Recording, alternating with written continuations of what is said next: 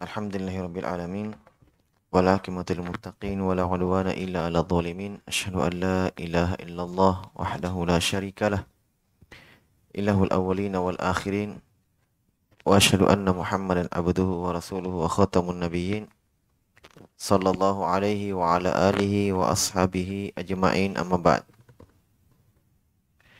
Ikhwani rahimani wa rahimakumullah. Kita lanjutkan kembali.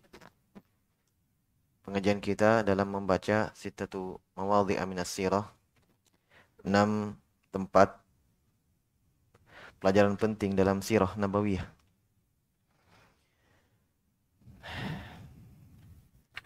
Ya, sekarang kita masih di tempat yang keempat atau tempat yang kelima ya. Yaitu kisah tentang hijrah. Dan beliau sudah katakan bahwa sejatinya bahwa pelajaran dan renungan pada kisah hijrah ini sangat banyak. Faidah-faidahnya, petikan-petikan hikmah yang banyak itu tidak bisa disebutkan secara keseluruhan. Tetapi kata beliau yang saya inginkan di sini adalah satu masalah, satu petikan hukum. Itu kata beliau di antara sahabat ya, ketika diwajibkan berhijrah ada yang tidak berhijrah tetap di Makkah ya, merasakan eh, tekanan, merasakan kedoliman. Ya, mereka lebih memilih tinggal bersama orang musyrikin daripada untuk berhijrah. Walaupun mereka ya tidak membenci agama Islam. Ya, mereka tahu bahwa agama Islam itu yang benar dan mereka tidak juga mencintai agama orang musyrikin, tidak membantu mereka, hanya bersama mereka di Mekah saja, tinggal mereka, ya tidak berhijrah. Sebabnya kata beliau, ya, cinta kepada keluarga, harta dan tanah kelahiran. Maka tatkala mereka yang tidak berhijrah ini, ya keluar berperang bersama orang musyrikin melawan para sahabat yang sudah berhijrah ya itu pun mereka keluar dengan terpaksa. Nah, itu tipe bahasannya sebenarnya. Ya itu tipe pembahasannya. Sebenarnya mereka tidak mau keluar berperang. Karena mereka tahu yang akan kita perang ini sama sahabat teman-teman kami dulu di Mekah sebelum berhijrah. Hanya terpaksa. Kenapa terpaksa? Iya didolimi oleh orang musyrikin kalau tidak. Iya tinggal di situ. Tidak berperang. Paham ya? Nah, itu titik pembahasannya sebenarnya di situ.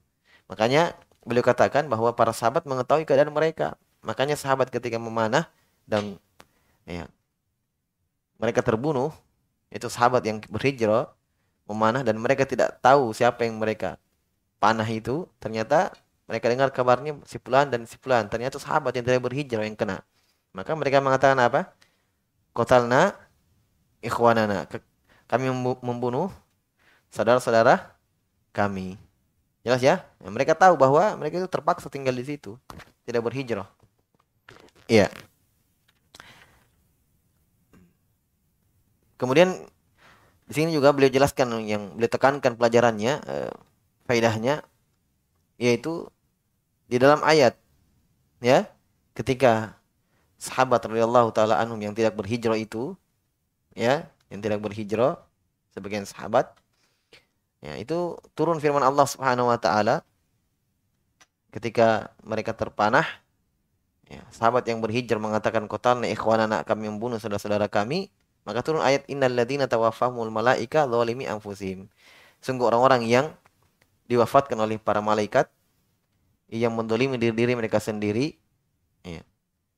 ketika malaikat datang kepada mereka bertanya qalu fima kuntum kenapa kalian bagaimana keadaan kalian Paham ya?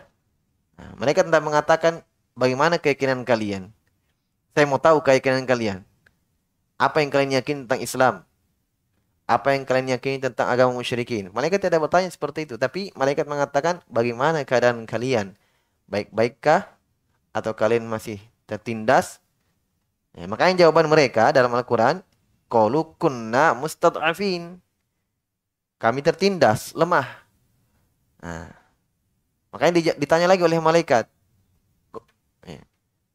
Qalu alam takun ardullahi wasiyah fatuhajiru fiha. Ya. Malaikat mengatakan, bukanlah bukankah bumi Allah itu luas? Kalian berhijrah kepadanya. Nah, Syekh berikan faedah di situ, petikan faedah. Ketika mereka mengatakan kami tertindas, ya, kami lemah, malaikat tidak mengatakan kamu bohong. Iya, sebagaimana dalam hadits Abu Hurairah tiga orang yang paling pertama dipanggang oleh api neraka. Iya, orang yang berjihad di jalan Allah yang mati terbunuh di jalan Allah ditanya pada hari kiamat, apa yang kamu amalkan? Dia mengatakan kotal tu fisabilik. Kotal tu fisabilik. Saya terbunuh berperang karena ya Allah. Kata Allah apa? Kadzabtum. Kadzabta, kamu bohong.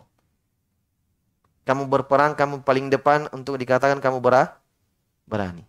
Maksudnya apa? Alasannya dia katakan saya berperang di jalan Allah salah. Ya kan? Makanya Allah menjawab, kadzabta. Kamu bohong. Nah ini mereka ditanya, bagaimana keadaan kalian? Mereka mengatakan kami tertindas. Apakah malaikat mengatakan juga kadzabta kamu bohong? Apa jawaban mereka? Apa jawaban malaikat? Hah? Tidak. Malaikat mengatakan kenapa kalian tidak berhijrah? Berarti malaikat mentakrir, menetapkan bahwa memang betul mereka tertin tertindas. Paham ya? Itu titik pelajaran juga yang boleh saya ingatkan. Iya. Taib. Wa amma haula'i falahum falam yukadzibuhum. Adapun mereka-mereka ini para sahabat falam yukadzibuhum. Mereka tidak didustai oleh malaikat. Bahkan malaikat menjawab qalu fi Qalu alam takun ardullahi wasiyah. Bukankah bumi Allah luas kalian berhijrah ke sana? Baik. Sampai situ ya. Kemudian kata beliau rahimahullah fahad awdahu jiddan. Ya. Ketika malaikat mengatakan bukankah bumi Allah luas? Ya. Makanya Allah setelah itu menyebutkan bahwa ilal mustadafin ya, yang dibolehkan tidak berhijrah kecuali orang-orang yang lemah tidak mampu melakukan perjalanan dari kalangan laki-laki dan perempuan dan anak kecil yang tidak mampu tidak memiliki kemampuan untuk ya, keluar dan menempuh jalan berhijrah ini perbolehkan. Adapun mereka sebenarnya mampu, ya, tetapi yaitu mereka lebih cintai tanah kelahiran mereka sehingga mereka tertindas di situ. Jelas ya? Taib. Nah, beliau ingatkan di sini satu perkara Kata beliau, "Fahadha awdahu jiddan." Anna haula'i kharaju minal wa'idi falam yabqa syubhah. Ya, perhatikan. Ini saya ingatkan. Ini sangat jelas. Sangat jelas. Bahwa mereka, mereka, siapa mereka? Hah? Siapa mereka? Sahabat yang tidak berhijrah. Dengan kisah yang kita sudah ulangi tadi, kita sudah ulas kembali yang pertama lalu, ya kan? Turun ayat bahwa mereka itu ya, tertindas di situ. Kata Syekh, ini sangat jelas bahwa mereka kharaju minal wa'id, keluar dari ancaman. Paham? Ini kan ayatnya ada ada ancamannya terakhir. Coba antum buka surah An-Nisa ayat 97. Ya ilal mustad'afin kecuali orang-orang yang tertindas yang lemah dari laki-laki maupun perempuan yang anak dan anak-anak yang tidak mampu melakukan perjalanan ke sana faulaika asallahu ayyafu anhum wa kana Allahu eh, faulaika. Eh, apa ayatnya? Eh taib. Wala yahtaduna sabila faulaika asallahu ayyafu anhum wa kana Allahu ghafurur rahima kata Allah mereka itulah yang Semoga Allah Subhanahu wa taala mengampuni mereka, memaafkan mereka. Allah Maha Pengampun lagi Maha Penyayang. Ini ayat turun kepada para sahabat. Karena memang mereka tertindas, tidak bisa. Jelas ya? Nah, kata Syekh ini sangat jelas bahwa mereka para sahabat keluar dari ancaman ayat. Ya. Jelas ya? Keluar dari ancaman ayat. Sebab ayat itu ada ancamannya terakhir. Ya dimasukkan ke neraka dan seterusnya ancamannya. Nah, tapi setelah itu Allah sebutkan ya, yang diperkecualikan telah mereka. Nah, maka Syekh mengatakan bahwa di sini ini sangat jelas bahwa mereka para sahabat yang tidak berhijrah itu keluar dari ancaman. Mereka diperkecualikan. Falam ya syubhatun, maka tidak ada lagi tersisa syubhat. Nah, beliau di sini mengisyaratkan ya seakan-akan pada poin yang ke lima ini membantah untuk apa membantah sebagian orang yang menjadikan ini syubhat sebenarnya. Syubhat untuk apa? Hah? Syubhat menjadikan apa? Boleh berloyal kepada orang musyrikin. Ya. ya. Tidak berbarok, tidak berlepas diri, tidak baroah. Ya. Membenci Paham? Padahal ini ya, bukan pada tempatnya pendalilannya. Mereka tetap membenci agama orang musyrikin. Dari mana? Didapatkan karena tidak ada dari ucapan para sahabat yang tidak berhijrah itu tidak ada dari ucapan mereka mencela Islam dan tidak ada juga dari ucapan dan perbuatan mereka membantu orang musyrikin dan mencintai agama musyrikin. Tidak ada. Berarti mereka tetap pada asalnya itu kaum muslimin. Kaum muslimin. Makanya sahabat ketika mereka membunuh ya mereka memanah ternyata kena sahabat yang tidak berhijrah, mereka mengatakan kami membunuh saudara-saudara kami. Jelas ya? ya? Berarti tidak bisa dijadikan alasan ini, dalil ini bahwa boleh berloyal kepada mereka. Sebab ini sahabat ya tinggal bersama orang musyrikin, hidup bersama, berdampingan. Nah hidup bersama berdampingan apakah mengharuskan harus loyal? Tidak kan? Kita juga hidup bernegara di sini banyak agama lain selain Islam. Tidak ada masalah. Kan begitu? Boleh. Paham? Tetapi apakah mengharuskan itu kita loyal kepada mereka, membantu mereka acara keagamaan mereka, ridho dengan agama mereka? Tidak seperti itu. Ya. Dan kita sudah jelaskan di pada poin-poin yang sebelumnya. Bahwa Islam itu mengajarkan toleransi, betul. Tapi ya, bukan toleransi yang berlebihan yang seakan-akan ujung ujung-ujungnya agama semua sama. Tidak, tidak seperti itu Islam. Inna dina indallahi Islam. Yakini itu. Bahwa agama yang diridhoi oleh Allah Subhanahu wa taala hanya Islam. Adapun kita hidup berdampingan dengan mereka, mereka atau mereka hidup berdampingan dengan kita, itu harapkan keislaman mereka. Bukan justru kita menghinakan diri kita kepada mereka, bukan. Apalagi negeri-negeri Islam. Paham? Kita harapkan mereka dalam Islam dan ini terbukti alhamdulillah. Jelas ya, walaupun ada juga di antara kita yang berpindah agama. Nauzubillah. Taib. Saya ulangi kata beliau, Fahada awdahu jiddan. Ini sangat jelas sekali bahwa mereka-mereka ini sahabat yang tidak berhijrah keluar dari anca ancaman. Maka tidak tersisa lagi syubhat. Tidak ada lagi syubhat di sini. Itu tidak ada dalil pada kisah mereka ini bahwa bolehnya berloyal atau tidak berlepas diri dari agama orang-orang musyrikin. Lakin liman talabal ilma. Akan tetapi ini bagi orang-orang yang menuntut ilmu. Maksudnya apa? Iya kalau orang yang belajar, menuntut ilmu, Allah fahamkan dia. Dan tidak syubhat bagi mereka. Jelas bahwa ini mereka diperkecualikan oleh Allah karena mereka tertindas, lemah. Kan begitu? Saya ambil contoh, di zaman Imam Ahmad juga seperti itu. Di zaman Imam Ahmad ketika Imam Ahmad rahimahullah ta'ala disiksa di situ. Karena mazhab negara pada waktu itu Al-Quran adalah makhluk. Imam Ahmad dipaksa untuk dipaksa untuk apa? Mengatakan Al-Quran adalah makhluk. Padahal sepakat para ulama salaf dari zaman sahabat sampai yang datang setelahnya bahwa siapa yang mengatakan Al-Quran adalah makhluk kafir. Tapi mazhab negara pada waktu itu itu mazhabnya, itu akidah negara pada waktu itu. Imam Ahmad dipaksa untuk mengatakan itu, disiksa sampai dipenjara, dicambuk. Tapi beliau tidak mau mengatakannya. Tetap beliau mengatakan Al-Quran Allah. Firman Allah, bukan makhluk. Ulama-ulama yang lain, antum tahu? Dia katakan, seperti Ali al-Madini. Ditanya, Al-Quran makhluk atau bukan? Makhluk. Tapi di dalam hatinya tetap meyakini. Sebab takut dibunuh. Disiksa. Tidak mampu dia seperti Imam Ahmad menahan cambukan, menahan ini, menahan tekanan, menahan kedoliman. Ini menunjukkan bahwa tapi Imam Ahmad apakah mengatakan kamu kafir? Jahmiyah kau.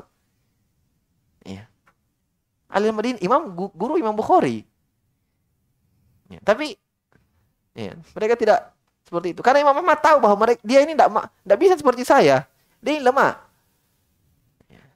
Ulama-ulama yang lain juga begitu. Mengatakan Al-Quran makhluk. Tapi dalam hatinya apa? Mengatakan Al-Quran fir kalam Allah, firman Allah. Hanya untuk terselamatkan dari ya, siksaan. Bahkan mau dibunuh. Yang pertama. Yang kedua, keadaan mereka dengan Imam Ahmad beda.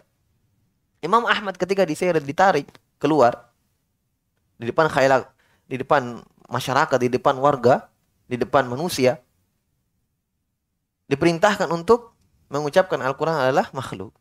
Manusia sedang membawa pulpen dan buku. Ingin menulis. Imam Ahmad pada waktu itu imam. Ketika beliau mengatakan sesuatu, maka manusia mengikutinya.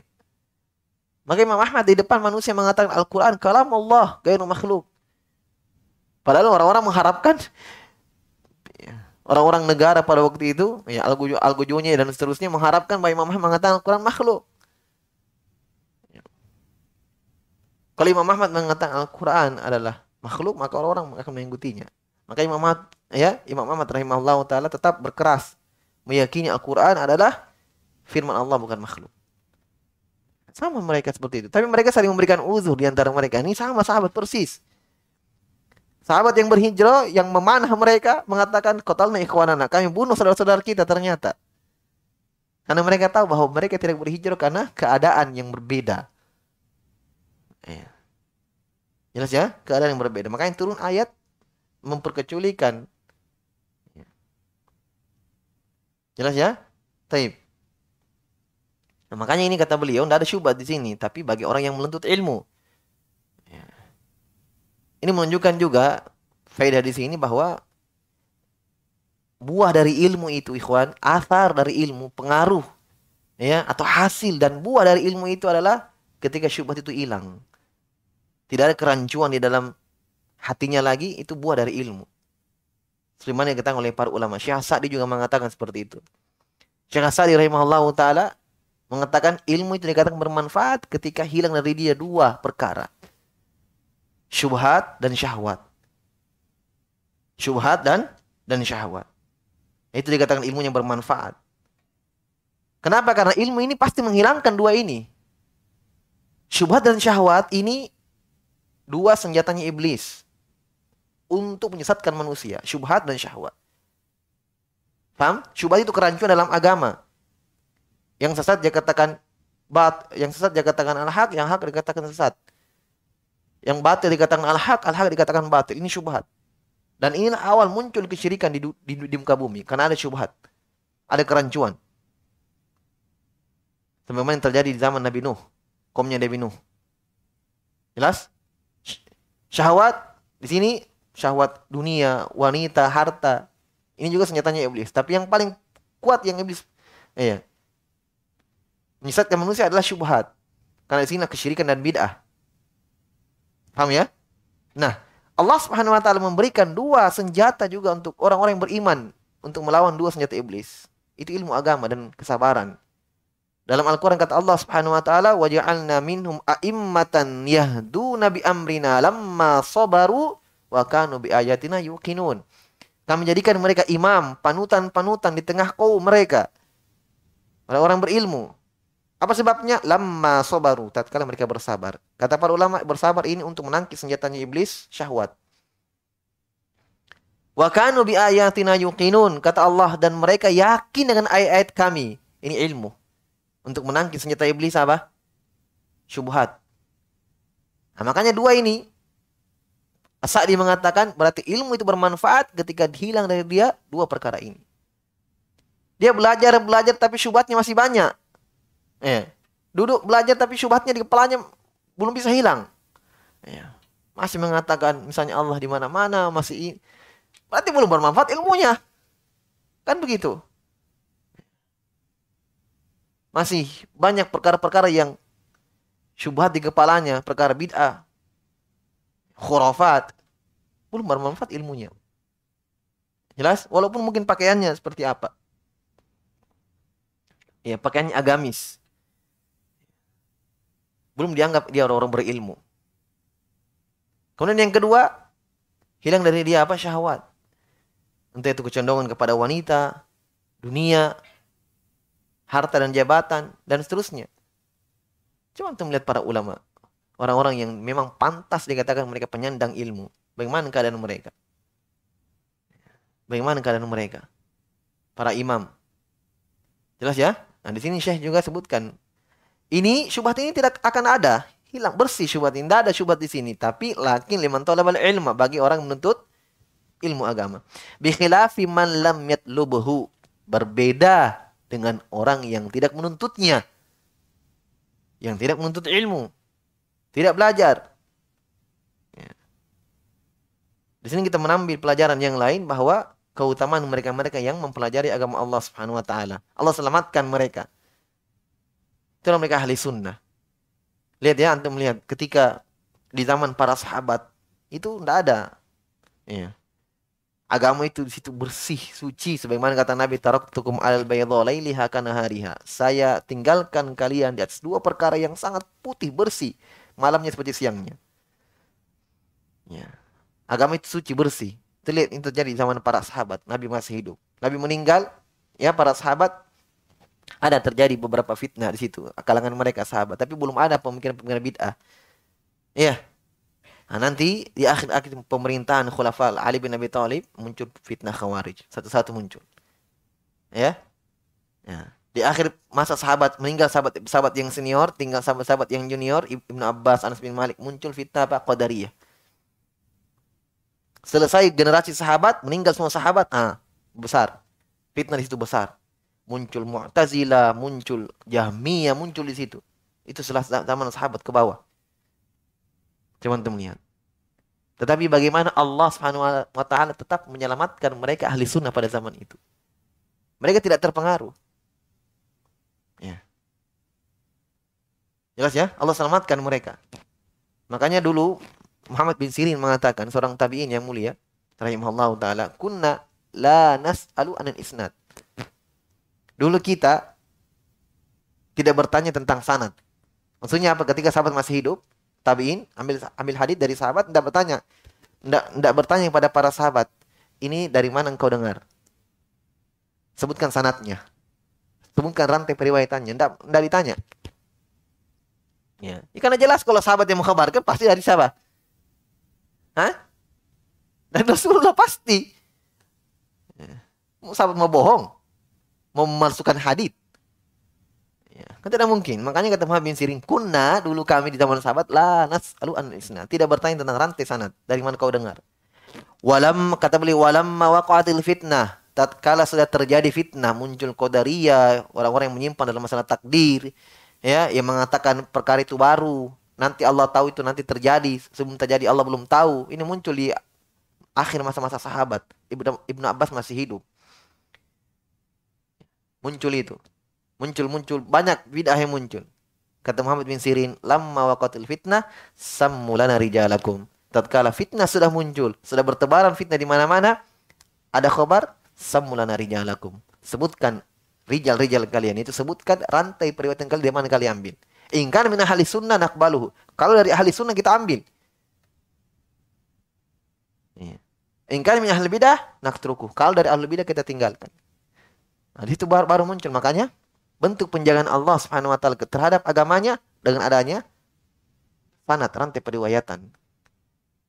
Ya, karena betapa banyak manusia yang memasukkan hadis yang berbicara atas nama Allah tanpa ilmu sembarangan. Ya.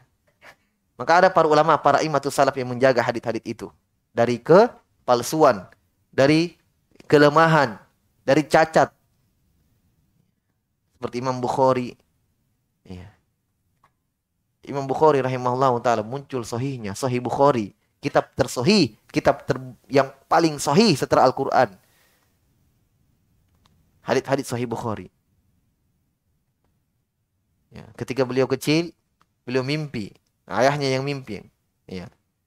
Bahwa Imam Bukhari me, membersihkan lalat dari wajah Nabi sallallahu alaihi. Membersihkan lalat dari wajah Rasulullah sallallahu alaihi wasallam. Ternyata takwil mimpinya Makna mimpinya adalah Sahih Bukhari, membersihkan hadis-hadis yang lemah dan hadis yang yang palsu. Itulah Sahih Al-Bukhari. Ya. Ini menunjukkan bahwa nikmat betul orang-orang yang berada di atas sunnah, Ya, diistiqomahkan oleh Allah belajar agama itu nikmat.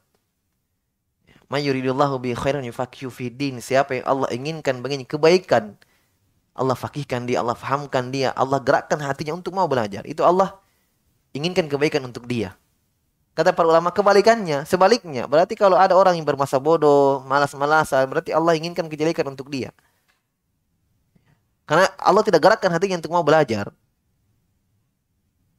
Ya, bermasa bodoh saja. Jelas ya? Nah, di sini Syekh jelaskan bahwa berbeda dengan mereka-mereka yang belajar. Bal Allahu fihim. Bahkan Allah berfirman terhadap orang-orang yang seperti ini ya, summum bukmun umyun fahum la yarji'un. Tuli ya.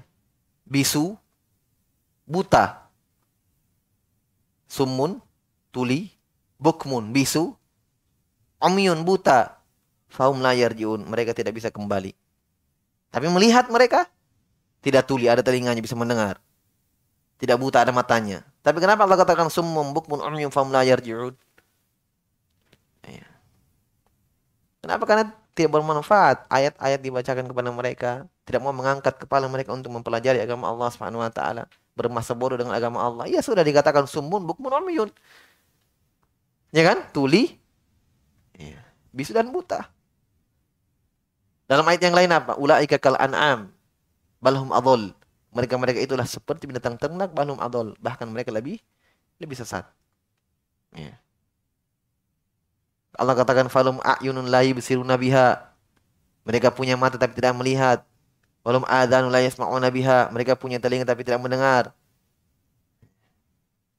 Nah, ini mereka summun bukum umyum faun la yarjiun.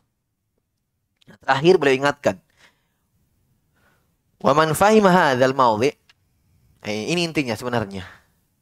Di tempat yang kelima ini pelajaran yang paling penting yang inti dari poin yang kelima kalau tadi itu di sela-sela pembahasan faedah-faedah petikan-petikan faedah yang beliau sebutkan itu ya faedah lain tapi intinya ini ya dari kisah hijrah yang antum pahami tadi sahabat tidak berhijrah ya tapi mereka masih di, dikatakan saudara seiman dengan sahabat yang berhijrah. Ya. Apa intinya? Kata beliau, "Wa man fahima hadzal mawdi." Siapa yang memahami tempat kelima ini, poin kelima ini, pelajaran yang kelima ini, walladzi qablah dan poin yang ke sebelumnya, yang keempat. Tentang apa yang keempat? Ada yang ingat? Hah? Poin yang keempat, ini kan yang kelima. Yang keempat apa? Ah, tentang Abu Talib. Tentang Abu Talib yang menolong Nabi ketika berdakwah, memelihara dari kecil sampai besar, ya. Ya. Yang tahu ternyata agama Nabi itu benar, tapi tidak mau masuk Islam gara-gara apa? Asobiyah saja, takut dicela oleh kaumnya, takut ya dibilang iya sudah meninggalkan agama nenek moyangnya. Itu saja. Tapi tahu bahwa agama ponakan ini benar. Islam yang benar. Paham ya? Kata Syekh, kalau kamu paham siapa yang memahami yang kelima dan yang sebelumnya tentang kisah Abu Talib dan kisah sahabat yang tidak berhijrah ini, ya. Fahima kalamal Hasan al-Basri. Dia akan memahami inti dari ucapan Hasan al-Basri. Maksudnya apa? Kalau kita lihat ya secara seksama dua kisah ini, kisah Abu Talib dan kisah sahabat yang tidak berhijrah, ternyata betul ucapan Hasan al-Basri. Apa itu ucapan Hasan al-Basri rahimahullah? Hasan al-Basri itu tabi'in, muridnya sahabat. Tapi dia tidak bertemu dengan sahabat yang senior. Jadi ini sebagaimana sebagaimana sahabat itu ikhwan, sahabat itu juga berjenjang-jenjang, ada yang senior, ada yang junior, tabiin juga begitu. Tabiin juga ada yang tabiin senior dan ada yang junior. Yang senior itu yang bertemu dengan sahabat yang senior, sahabat yang tua. Ya. Tapi ada tabiin yang junior, dia bertemu dengan sahabat-sahabat yang junior saja seperti Anas bin Malik. Iya. Kan Anas bin Malik yang sahabat yang paling terakhir meninggal kan di Madinah. Seperti Ibnu Abbas, Ibnu Umar. Nah. Tapi mereka tidak bertemu dengan Umar bin Khattab, Abu Bakar As-Siddiq, ya. Umar bin Affan. Jelas ya? Nah, ini juga tabiin, tapi termasuk tabiin yang junior. Tapi Imam Hasan al-Basri rahimahullah banyak ucapan-ucapan hikmahnya. Apa kata beliau? Qala Laisal imanu bitahalli wala bitamanni walakin ma waqara fil qulubi wa sadaqathul a'malu. Ini antum pegang ini ucapan indah sekali ucapannya. Ya, kata beliau, "Laisal imanu bitahalli wala bitamanni walakin ma waqara fil qulubi wa sadaqatul amal." Iman itu bukan dengan perhiasan yang nampak, pakaiannya, sorbannya, jubahnya, bukan. Ya. Dan bukan juga dengan angan-angan. Ah, saya mau ini, saya mau itu, saya mau istiqomah, saya mau anu, saya. Bukan cuma dengan angan-angan saya ingin, saya ingin. Iman itu Walakin fil qulub. Tapi iman itu adalah apa yang tertinggal dalam hati wasadaqatul amal dan dibenarkan dengan amalan. Itu iman. Betul tidak? Coba antum lihat ucapan ini, pahami baik-baik, terapkan kepada Abu Talib. Bisa? Saya ulangi ucapan Hasan al-Basri. Iman itu bukan dengan yang nampak. Bukan dengan nasab, bukan dengan bapak saya ini, keturunan ini, bukan. Bukan. Kena Abu Talib. Ya kan? Abu Talib orang Quraisy, suku terpandang. Ya, itu juga sebabnya justru itulah karena terpandangnya kaumnya ya, dia bahkan dia adalah orang Quraisy yang paling afdol. Sukunya Nabi sallam. Dan Quraisy juga bermacam-macam kabilahnya, bermacam-macam keluarga-keluarga besar. Nah, keluarga besar Nabi sallam yang paling mulia di situ. Makanya Nabi memilih Nabi dari keluarga itu. Jelas? Justru karena orang terpandangnya lah itu dia tidak mau mengikuti. Kenapa? Malu. Masa mengikut agamanya Muhammad? Nggak enak. Nah, apa dia bilang orang? Eh, padahal dalam hatinya apa? Hah? Meyakini Muhammad, Nabi Muhammad benar. Ponakannya yang benar. Islam yang benar. Eh, tapi apakah ini dianggap iman? Nah ini bahaya. Jelas ya? Ini membantah sebenarnya orang-orang ya, murjiah. Dari kadang orang-orang jahmiyah yang mengatakan iman cukup dalam hati. Kalau kata kalian kata iman cukup dalam hati, Fir'aun beriman, Abu Talib beriman. Ya, Fir'aun tidak ikut kepada Musa alaihissalam, menolak Nabi Musa bahkan membunuh Nabi Musa. Masih mending Abu Talib. Iya. Sekafir-kafirnya Abu Talib masih membantu menolong Nabi SAW. Nah ini Fir'aun. Sudah tidak ikut memerangi Musa lagi alaihissalam. Tapi dalam hatinya apa? Yakin Musa benar alaihissalam. Allah berfirman, "Wala qad alim tama anzalaha ulai illa rabbus samawati wal ardi basair." Kata Allah, kamu yakin wahai Firaun? Kamu tahu yakin-yakinnya bahwa tidak ada yang menurunkan semua ini kecuali Allah dari langit. Dia yakin itu. Dalam ayat yang lain, wajahadu biha wastaqnata anfusum zulma wa ulwa. Mereka ingkari. Itu Firaun. Firaun mengingkari Musa alaihissalam. Mengingkarinya, menolaknya. Wastaqnata anfusuhum.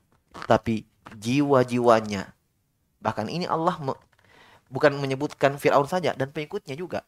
Ya, yakin sebenarnya. Hanya ada yang beriman, ada yang tidak. Siapa yang beriman? Istrinya Fir'aun. Siapa lagi? Penyihirnya. Ya kan? Penyihirnya langsung lihat satu saja tongkat yang lihat jadi ular betulan. Langsung aman Nabi Robi Harun Musa. Dia beriman kepada Robnya Harun dan Musa. Selesai. Satu tanda yang dia lihat. Fir'aun berapa tanda dikasih lihat? Sembilan tanda. Kodok, kutu, darah, Keluar cahaya dari ketiknya Musa alaihissalam, tongkat jadi ular. Tidak ada mau beriman. Ya. Tapi Allah selamatkan istrinya, Fir'aun. Ya.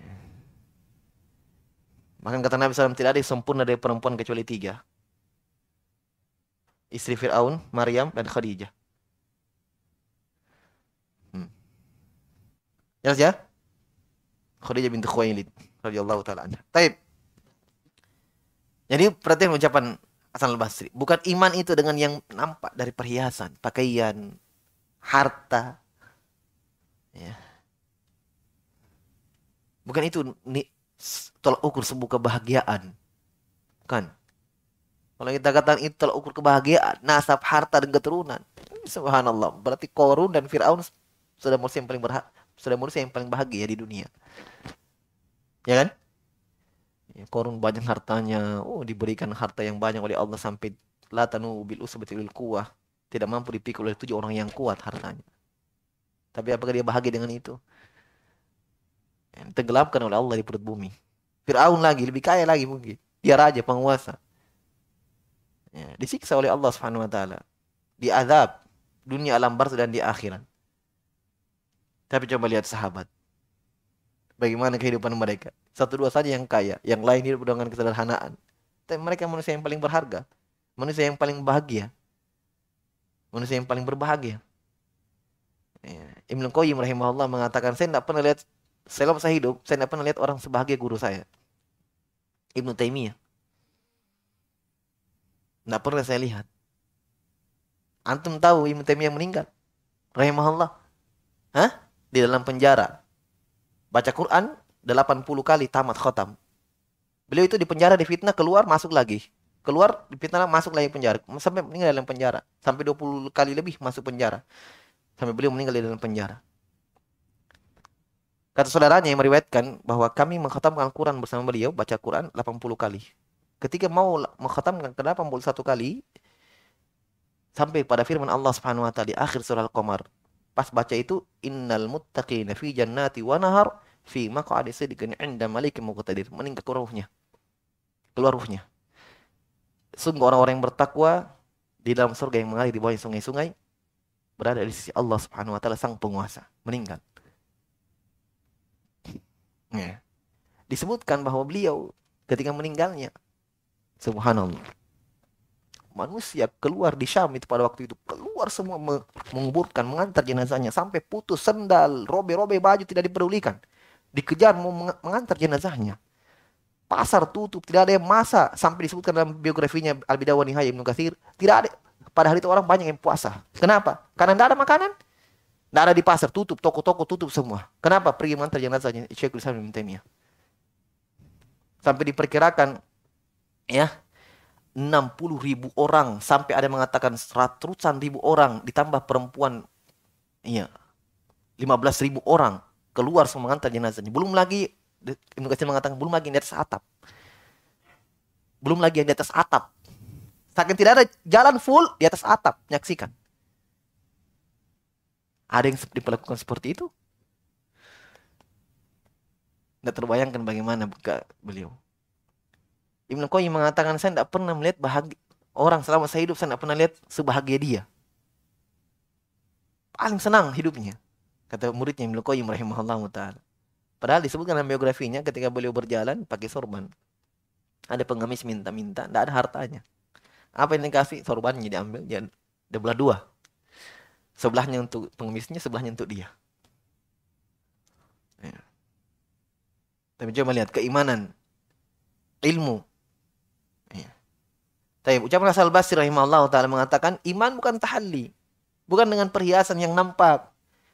Wala bitamani, bukan dengan angan-angan. Ya. Saya ingin ini, saya ingin ini. Mau kak sebenarnya belajar. Mau belajar saya, mau.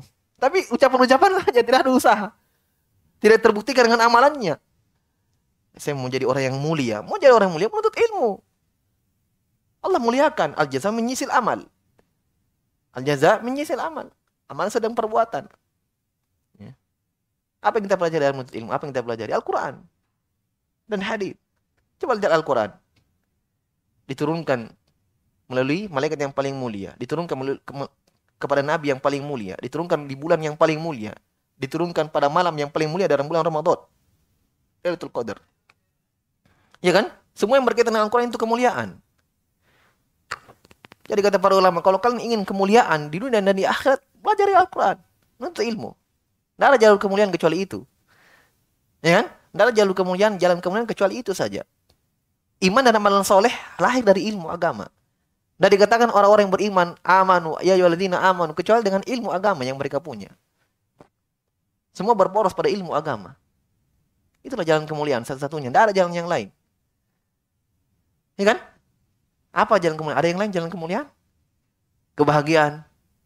Dunia dan di akhirat. Ada jalan selain kecuali jalan ilmu agama. Tidak ada. Dalam Al-Quran pujian. Ya ayyuhalladzina amanu wa amilus solihat. Ya amanu wa amilus solihat. Innalladzina amanu wa amilus solihat. Beriman dan beramal soleh itu dari ilmu agama. Kenapa dia beramal? Hah? Orang beramal tidak di, dikatakan amalannya diterima sampai dia menuntut ilmu, sampai dia mengetahui yang mana yang sunnah, yang mana bukan. Kan syarat diterimanya amalan ada dua, ikhlas dan di, di atas sunnah Nabi SAW. Ini dengan ilmu agama. Kenapa dia beriman? Kenapa dia tawakal, bersabar? Ini karena dengan ilmu yang dia dapatkan. Ilmu yang bermanfaat di dalam hatinya. Sehingga muncul keimanan yang besar. muncul rasa takut kepada Allah, muncul ketawakalan sempurna kepada Allah, penyandaran diri kepada Allah. Itulah iman. Jadi bukan dengan angan-angan saja. Walakin ma waqara fil qulub wa sadaqatul amal. Tapi kata Hasan al-Basri rahimahullah, iman adalah apa yang tertinggal dalam hati, bercokol dalam hati, waqar, tinggal, ya, dan dibenarkan dengan amalan. Itulah iman. Nah, di sini kita mengambil pelajaran bahwa sepakat para ulama, iman adalah ucapan dan amalan. Ucapan, keyakinan dan amalan. Ya. Jelas ya? Taib. Amalan dua, amalan lisan dan amalan hati. Taib. Inilah iman. Anna Allah Ta'ala yaqulu ilaihi yas'adul kalimut tayyib wal amalu salihu yarfa'uhu. Karena ini Allah berfirman dalam Al-Quran kepadanya lah naik kalimat-kalimat yang baik dan amalan soleh terangkat kepada Allah Subhanahu wa taala. Ya. Jelas ya? Kalau dari kisah Abu Talib kita terapkan ucapan Rasul Basri betul. Kisah sahabat apa yang tumpah dari kisah sahabat? Hah? Apa yang tumpah dari kisah sahabat? Di mana kenanya ini ucapan ucapan Imam Salal Basri rahimahullah dengan kisah sahabat yang tidak hijrah? Dia beriman dalam hati ada. Amalannya ada, tapi ya kurang. Kan begitu. Tapi mereka di diberkecualikan Allah Subhanahu wa taala. Diberi udur, diberi. Ya walaupun kita katakan tidak ya, tidak sebesar iman mereka daripada orang yang berhijrah, sahabat-sahabat yang berhijrah. Mereka rela meninggalkan harta, tanah kelahiran, tempat tinggalnya, keluarganya. Karena keimanan mereka. Nah, ini membuktikan keimanannya. Mereka sudah ada imannya, sudah ada Islam, mengucapkan syahadat. Iman mereka. Jelas ya? Baik. Makanya ucapan Hasan al-Basri rahimahullah taala ini adalah ilmu yang sangat besar. Ya, laisal imanu bitahalli wala bitamanni, walakin ma waqara fil qulubi wa sadaqatul a'malu. Ingat itu ya ucapan Hasan al-Basri rahimahullah taala. Baik, selesai poin yang kelima. Satu lagi ya yang tinggal yang keenam ini agak panjang ini. Baik. Cukup dulu ya. Maktab qadar. سبحانك اللهم وبحمدك أشهد أن لا إله إلا أنت أستغفرك وأتوب إليك وآخر دعوانا الحمد لله رب العالمين.